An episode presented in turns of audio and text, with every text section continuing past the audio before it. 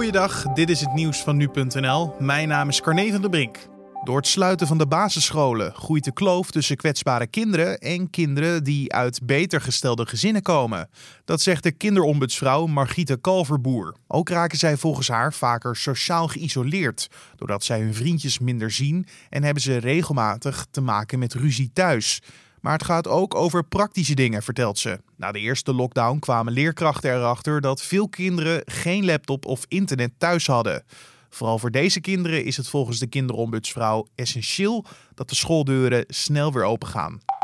Schiphol-topman Dick Benschop roept reizigers op alleen te vliegen als ze een noodzakelijke reis moeten maken. Hij sprak hierover woensdagavond in de uitzending van Nieuwsuur. We moeten allemaal meedoen, de adviezen volgen. Er is een duidelijk advies uh, om niet te reizen, alleen als het noodzakelijk is. Dus ook een oproep aan mensen om dat te volgen. En tegelijk ook uh, oproep aan mensen om ook de regels uh, te handhaven. En dan zorgen wij ervoor met alle maatregelen die wij ook hebben, dat het risico rondvliegen echt ontzettend laag. Afgelopen weekend was het heel druk op Schiphol. Dat leidde onder meer tot woede bij minister Cora van Nieuwhuizen van Infrastructuur en Waterstaat.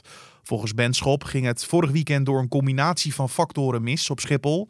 In samenspraak met de minister heeft Schiphol strengere maatregelen getroffen om de drukte in goede banen te leiden.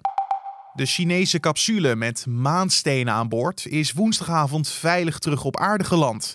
Het is de eerste keer sinds de Amerikaanse Apollo 17-missie in 1976 dat er weer maanstenen naar de aarde zijn gebracht.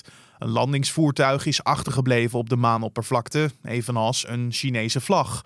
Dit maakt China het tweede land om een vlag op de maan te hebben staan. De stenen zullen nu worden onderzocht in de hoofdstad Peking. En met de stenen wil China meer leren over de geschiedenis en de opbouw van de maan.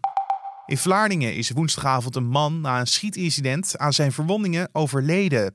Agenten reageerden op meerdere meldingen dat er een man gewond zou zijn geraakt bij een nog onbekend incident op straat.